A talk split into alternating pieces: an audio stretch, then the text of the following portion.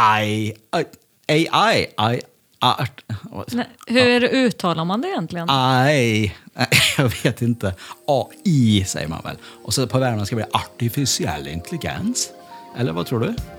Ja, nå- något i den stilen. Vi ska ta reda på det idag. Det ska vi göra.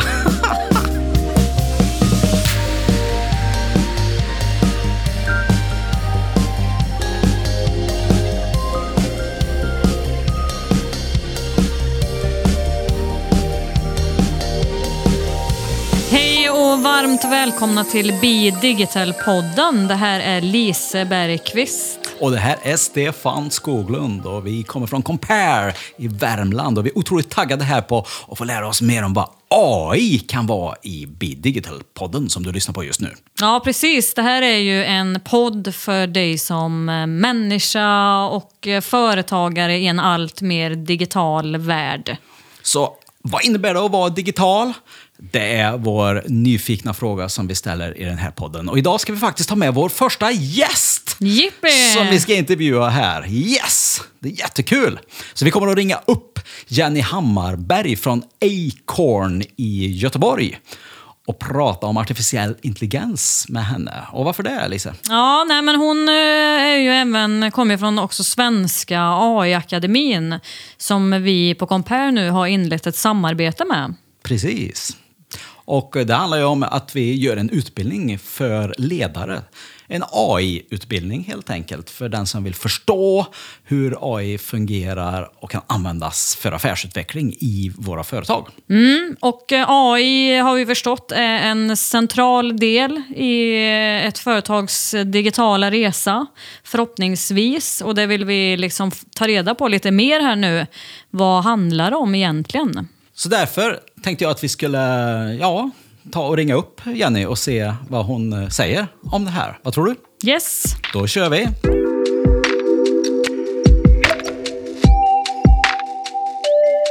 Varmt välkommen till Be Digital-podden, Jenny Hammarberg från AI-akademin.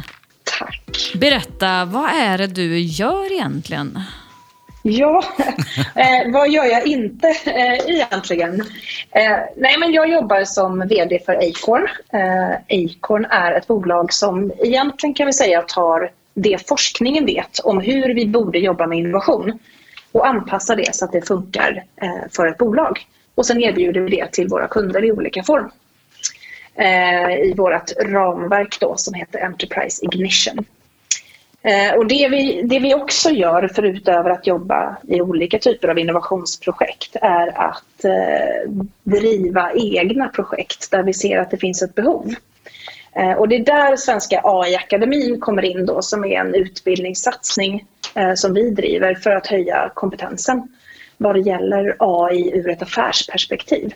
Alltså vad kan man göra med AI idag och hur skapar det värde? Ehm, men vad jag gör idag, alltså det handlar ju alltid om ifrån att köpa mjölk till kontoret till att rekrytera och bygga upp mitt eget bolag. eh, Till att utbilda inom AI-akademin.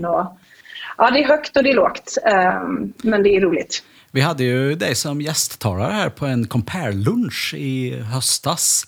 Och det var Precis. jätteintressant att höra dig prata om eh, artificiell intelligens. Så eh, hur tyckte du det var att komma till Karlstad och prata om de här sakerna? Nej, men jag tyckte att det var jättehärligt. Alltså, det är sånt driv, både i liksom, er på Compare men också i de här verksamheterna och bolagen som vi träffar där. Jag tyckte det var väldigt, väldigt kul eh, och ett väldigt tydligt intresse eh, kring att förstå det här på, på kanske ett icke-tekniskt sätt då, utan mer vad, hur driver jag och förändrar min verksamhet med hjälp av AI? Ja, och vad jag eh, liksom förstod utifrån den lunchen var ju att det är väldigt viktigt för företag idag att jobba med AI. Men varför är det det? Ja, men eh, helt krasst så kan man säga så här att tittar du på hur, hur vi kommer att bedriva våra bolag i framtiden så kommer de att vara drivna av tekniken och av AI. Så det innebär att egentligen gör man ingenting idag och börjar experimentera och hänger på den här trenden så är det samma sak som att på något sätt ge sig in i en långsam död. För du kommer inte att vara relevant. Kan det, här- alltså menar du att, att, att det är så drastiskt att det verkligen påverkar bredden av företag som vi pratar om här i, i samhället? I princip alla typer, eller? Ja, det skulle jag säga. AI kommer att påverka alla branscher. Det finns ingen bransch som, är, eh, som slipper undan. Utan det, det kommer att förändra hur vi erbjuder eh, saker och ting till våra kunder. Det kommer att förändra hur vi interagerar med våra kunder. Det kommer att förändra hur kunderna efterfrågar att, att vara tillsammans med oss. På samma sätt som att du inte, det är inte tänkbart att inte ha en hemsida idag. Eller finns det någon butik som inte har e-handel? Eh, det, finns, det kommer att vara samma sak med, med AI i framtiden. Kan man jämföra den här revolutionen då, som vi skulle kunna kalla det för, som när mm. elektriciteten kom och, och, när internet kom och, och den ja, men, typen av grejer. Är vi på ja. den revolutionära nivån som vi snackar här? Är det det? Ja, men det är det. Fast det är hela digitaliseringen där AI är en bit är ju definitivt den fjärde omställningen. Man brukar ju prata om att det här är 4.0. Det vill säga vi kommer att ha den, alltså den digitala ansatsen i vår business kommer att vara det som, som driver hur vi jobbar som företag. Eh, och det kommer att, att, att fullständigt förändras och det har det ju redan gjort. Men vi är också mitt inne i det som blir den andra vågen i den här omställningen och det är ju AI. Hur tycker du att eh, företag idag ska tänka då när, eh, kring AI? Nej, men jag tycker väl att, eller man kan säga så här, sen vi började prata om AI på, med bolag, och det är ju ett par år sedan, så, så har det ändå skett någonting. Vi ser ändå liksom att det, det, det är en ökad förståelse, fler och fler fattar att man behöver förstå detta. Något som är ganska tydligt är också att det är mycket prat och ganska lite implementeringstakt, vilket kan vara ganska, det är ganska skönt för att ibland så kanske man tror att alla andra har hunnit mycket längre. Så är det inte. Eh, utan det är fortfarande mycket prat och lite verkstad. Så att det finns fortfarande väldiga möjligheter att vara den som faktiskt i sin bransch eller i sitt bolag vara med och driva en utveckling som är jättespännande. Och här pratar vi då verkligen från det liksom kanske lilla företaget till det stora globala ja, företaget. Ja, men man brukar ju säga så här, hur kommer det sig att AI börjar utvecklas så fort nu? Och en av faktorerna till det, det är ju egentligen demokratiseringen av tekniken. Så att man behöver inte tänka att man alltid ska utveckla allting själv och att det är väldigt dyrt och väldigt stort. Utan det finns ju många system som man kan köpa in sig på som har AI-komponenter som kan bidra med att man kanske då kan dra nya insikter ur datan eller på annat sätt kan använda sig av en, en bra chatbot som kommunicerar med ens kunder och, och gör andra saker. Det finns ju mycket färdigt. Men eh, kan vi nämna några konkreta exempel på hur eh, AI används idag i företag och organisationer? Ja, men egentligen så brukar jag prata om att istället för att prata så mycket AI så att man funderar över det precis som du säger från liksom affärsperspektivet. Och då kan man säga att det första är ju att titta på hur alltså hur vi kan driva automatisering. Alltså hur kan vi få en dator eller en robot eller någon annan att göra enkla repetitiva arbetsuppgifter. Eh, där, och då kanske några säger att ja, men det är inte AI. Eh, och det, det, det, kanske det inte är till 100 idag men det är ett sätt att börja med att, att frigöra tid. Att helt enkelt få hjälp att göra sånt som, som är tråkigt. Göra beräkningar eller flytta Eh, data mellan olika system till exempel eller automatisera sina produktionslinjer, alltså lite beroende på vad man har för företag. Men sen är det när AI kommer in som jag tycker är spännande, det är när vi pratar mer om eh, det jag brukar kalla kognitiva insikter. Alltså man kan tänka sig att det är, de, de flesta kanske har jobbat med någon form av analys och business intelligence-system. Så man tänker ett sånt system fast lite på steroider. Det vill säga att det kan liksom hantera mycket, mycket mer data och det kan dra mycket mer slutsatser och hitta mönster som du inte har förmått att se själv eh, i den här datan som du har. Och det i sin tur kan användas till att räkna ut i framtiden. Eh, till exempel om man, har en, eh, man producerar en viss typ av maskin så kan man ju sätta sensorer på den här maskinen när man levererar den till kund. Och sen kan de sensorerna skicka upp data upp i molnet. Och du kan med hjälp av AI-tekniken räkna ut då att om tre veckor så måste vi byta ut den här komponenten i maskinen. Varvid du kan producera och du kan skicka den komponenten till din kund redan innan de egentligen vet om att de vill ha den. Men det innebär ju också ett ökat värde för den kunden. För det som ofta är dyrt, det är ju stillestånd på maskiner till exempel. Så att med den tekniken och med att kunna dra nya slutsatser så kan man också hitta lite nya affärsmodeller och man kan höja ett kundvärde. Just det. Eh, jag tänker på effektivisering till exempel av eh, paket ah. i en bil. Alltså, det känns som det är mycket ja. luft i en bil och så tänker jag, skulle man inte kunna lösa det på ett smartare sätt? Och vi är ju inte tillräckligt smarta som människor, men kanske kan AI-teknik göra det här? Har du någon take on that?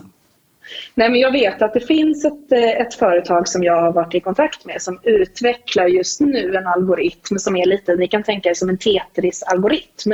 Mm. Som egentligen hjälper till att säga exakt i vilken ordning du ska stoppa in paketen i den här pallen för att packa den på bästa möjliga sätt. Och det han såg det var att ja, men då helt plötsligt så hade han 20% mer packyta.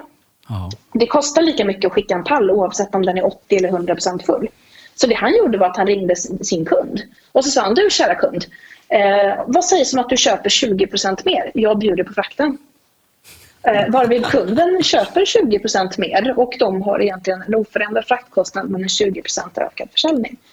Så att eh, det finns så mycket i detta, i just de här insikterna eller att få hjälp att liksom lösa den här typen av problem. Då.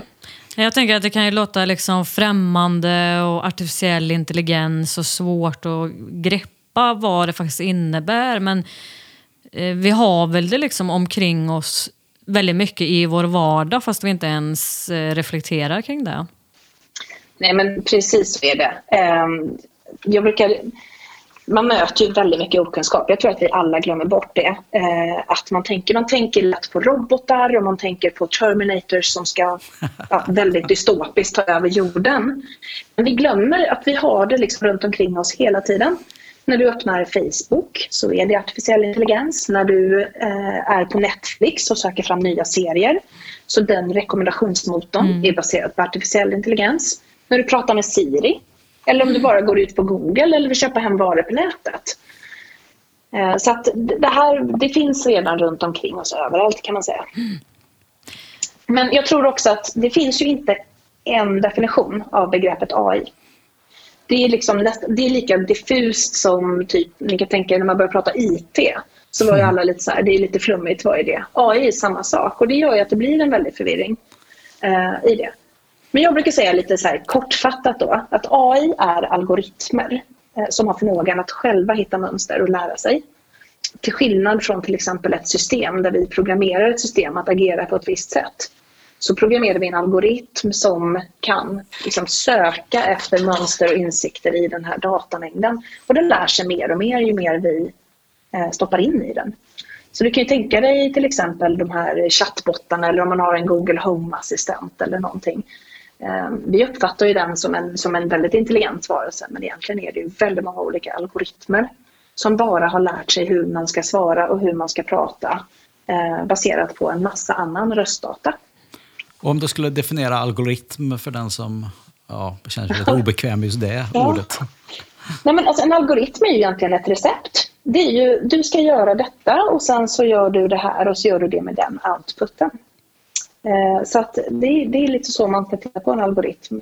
Eh, och det är så de här även machine learning-algoritmerna eller AI-algoritmerna då är uppbyggda. Förutom att den inte säger att nu ska du knäcka två ägg utan den säger att du ska titta på det här och komma fram till att du ska knäcka två ägg. Kan man, kan man då säga att om, om eh, receptet är kast så får du ett kast slutresultat? Eh, men, men, det är ju också att om du har dåliga ingredienser, i det här fallet dålig data, då, eh, ja. så, så, blir ju också, även om algoritmen är fantastisk, så ja. om datan är fel så blir det också fel. Eller tänker jag rätt eller fel här? Nej, men precis så är det ju. Det finns ju jättemycket eh, skräckexempel på när det har gått väldigt fort. Eller väldigt fel väldigt fort, ska jag säga. Eh, och det är ju framförallt, men det pratas ju en hel del om det här med bias och, och eh, algoritmer som är diskriminerande. Och det handlar ju just om att man kanske då cementerar vissa typer av, alltså, av, det, av de sociala problemen vi har i vårt samhälle. Eh, vi har ju till exempel att bildigenkännings-AI har varit väldigt bra på att känna igen vita män i 50-årsåldern. Men väldigt dålig på att känna igen eh, mörkhyade yngre kvinnor. Och det är ju för att vi har tränat den på data som, är, som inte är fullständig mm. egentligen. Så att, absolut är det så. Och det är en viktig del av att förstå när man jobbar med AI då, att man, man behöver också förstå kvaliteten på den data som stoppas in. Lite, och vad man tränar den på. Jag är lite nyfiken kring eh, det här med eh, man brukar prata om AI att det är både skrämmande och spännande samtidigt. Och ibland mm. lyfter man det ena hotbilden efter den andra och samtidigt kommer de här möjlighetsbilderna. Håller du med om att vi har de här två parallella spåren här samtidigt med både hot och möjlighet? Eh, och hur ska vi tänka kring det, tycker du? Ja. Nej, men, verkligen. Ehm, jag väljer ju att inte se på AI utifrån den här dystopiska filosofin. För det är klart att man kan tänka sig att har du bildigenkännings-AI så kan du ju, och det, det, vet vi också har hänt, använda det för att till exempel designa ett vapen som då går in och faktiskt riktat har ihjäl en viss person. Och då blir ju AI väldigt skrämmande. Mm. Men också, sen har du den möjliggörande biten som handlar om att den, den frigör oss människor från att göra en massa enklare intelligenta arbete kan man säga. Så att vi kan liksom utvecklas och göra någonting annat och lära oss någonting annat som jag tycker är otroligt spännande. Och jag tror också att AI är en av grundförutsättningarna för att vi ska rädda jorden. För att vi ska kunna lära oss mer om hur vi kan förbruka och använda jordens resurser.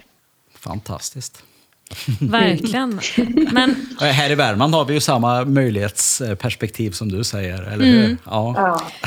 Ja. Men har du några konkreta mm. tips då? Vad tycker du att eh, företag ska göra för att eh, anamma det här?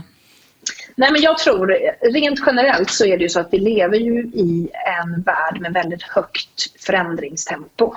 Eh, och någonstans behöver man ha lite koll, man behöver hänga med och förstå vad som är på gång alltså rent strategiskt, man måste ta sig tid och förstå utvecklingen. För AI kommer att påverka alla branscher. Jag möter de som säger att men det kommer nog inte påverka oss så mycket.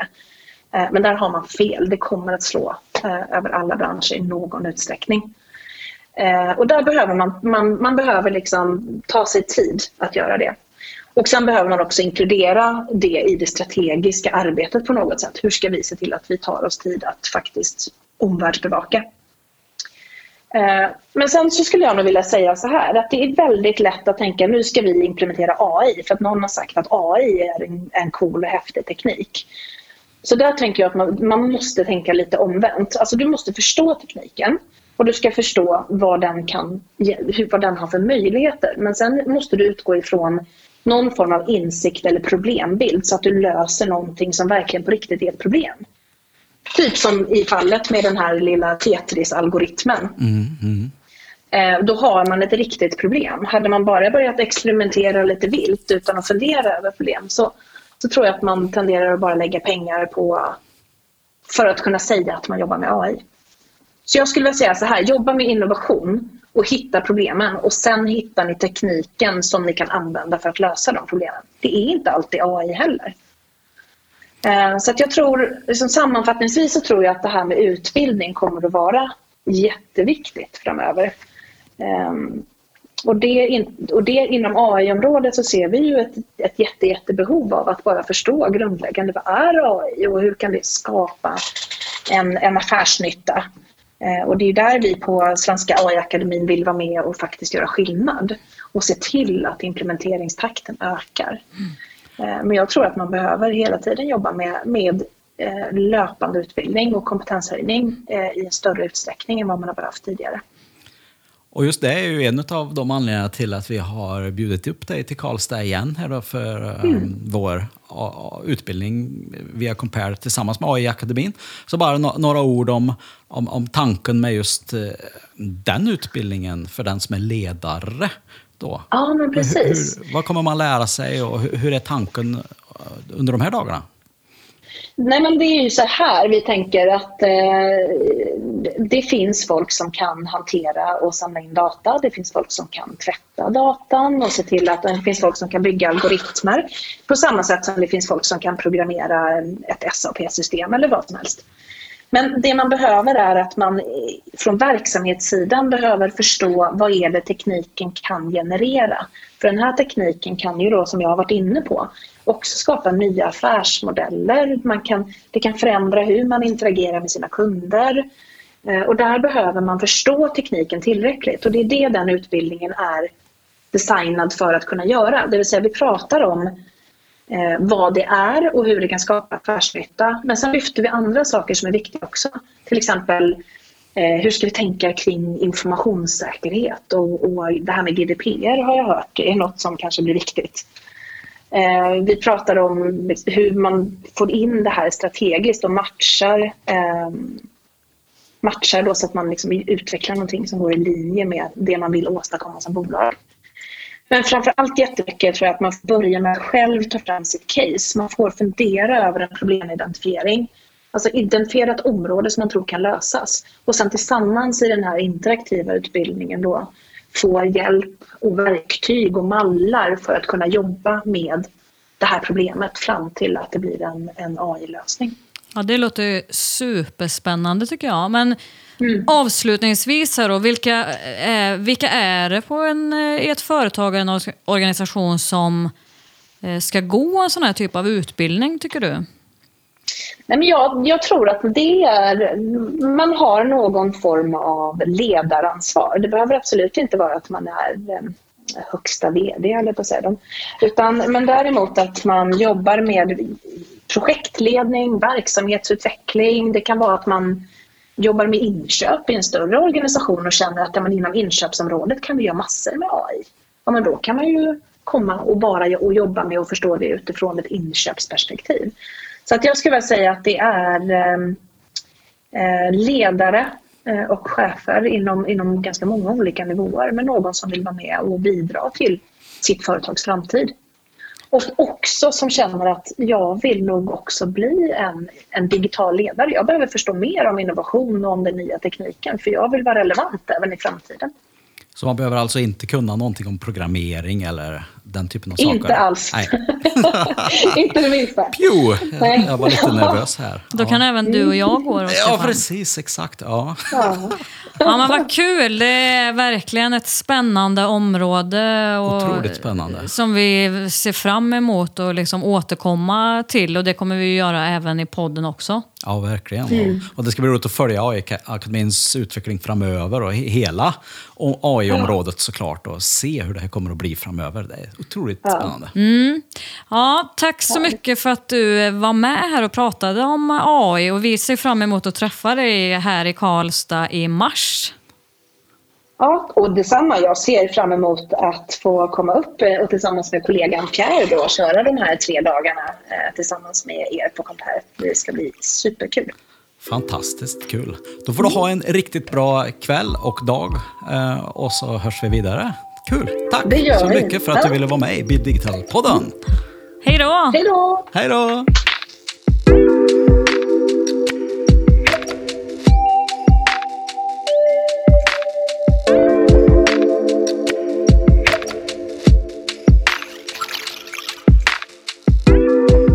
Vilket eh, spännande område det här är tycker jag. Verkligen. Vad tänker du Stefan? Alltså, vad tog du med dig från den här diskussionen med Jenny?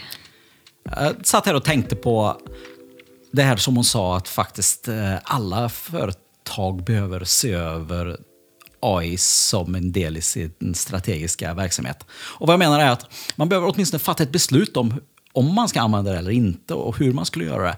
Och, och börja fundera kring det. För det kan påverka både små företag, mellanstora företag och stora företag. Och eh, ja, om man inte vet om hur det fungerar så kan man ju heller inte fatta något beslut. Men genom att lära sig mer och bli lite mer medveten kring hur kommer det här att påverka min business så kan man fatta ett beslut. Och då kan man känna sig lite tryggare och lugnare med att man faktiskt har, ha, har gjort någonting och inte bara vara i, leva i ovisshet. Det tänker jag. Sen kan man ju välja att inte göra någonting och det är helt okej. Okay. Man kan också välja att kanske förändra hela sin affärsmodell beroende på vad man kommer fram till. Så det tycker jag att, att företagare och, och människor i den här världen ska fundera kring helt enkelt. Vad, hur det kommer att påverka dem. Mm, spännande. Vad tar du med dig då från det här samtalet? Jag tänker ju väldigt mycket på ur eh, mitt perspektiv kring kommunikation och marknadsföring att eh, AI eh, kan vara helt avgörande för att lyckas. Och att det mycket handlar om att hitta det här receptet som Jenny pratar om och att ständigt utveckla och förbättra det för att nå de personerna som man vill i sin kommunikation.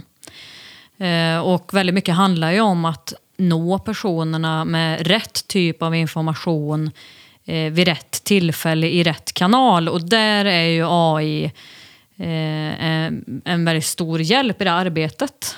Så där känner jag att jag vill utforska mer hur jag kan använda det i kommunikationen och marknadsföringen. Och för dig som lyssnar som är nyfiken på just den här utbildningen eller andra utbildningar som Compare gör så kan du kolla på Compares webbsida. Vill du läsa mer om AI-akademin så kan du göra det på AI-akademins webbsida såklart. Um, vad, vad, behöver vi säga mer, Lisa? Nej, men jag tänker att det här är precis i starten av säsong två i jajamän, Digitalpodden. Så vi kommer att ha fler spännande intervjuer här framöver. Så vi hoppas ju naturligtvis att du kommer att hänga med. Japp. Det tycker vi absolut. Så klicka på prenumerera om du inte har gjort det i din favoritpoddspelare så missar du inga avsnitt framöver. Tack så mycket för att du har lyssnat idag. Och ha en fortsatt bra dag. Hej då! Hej då!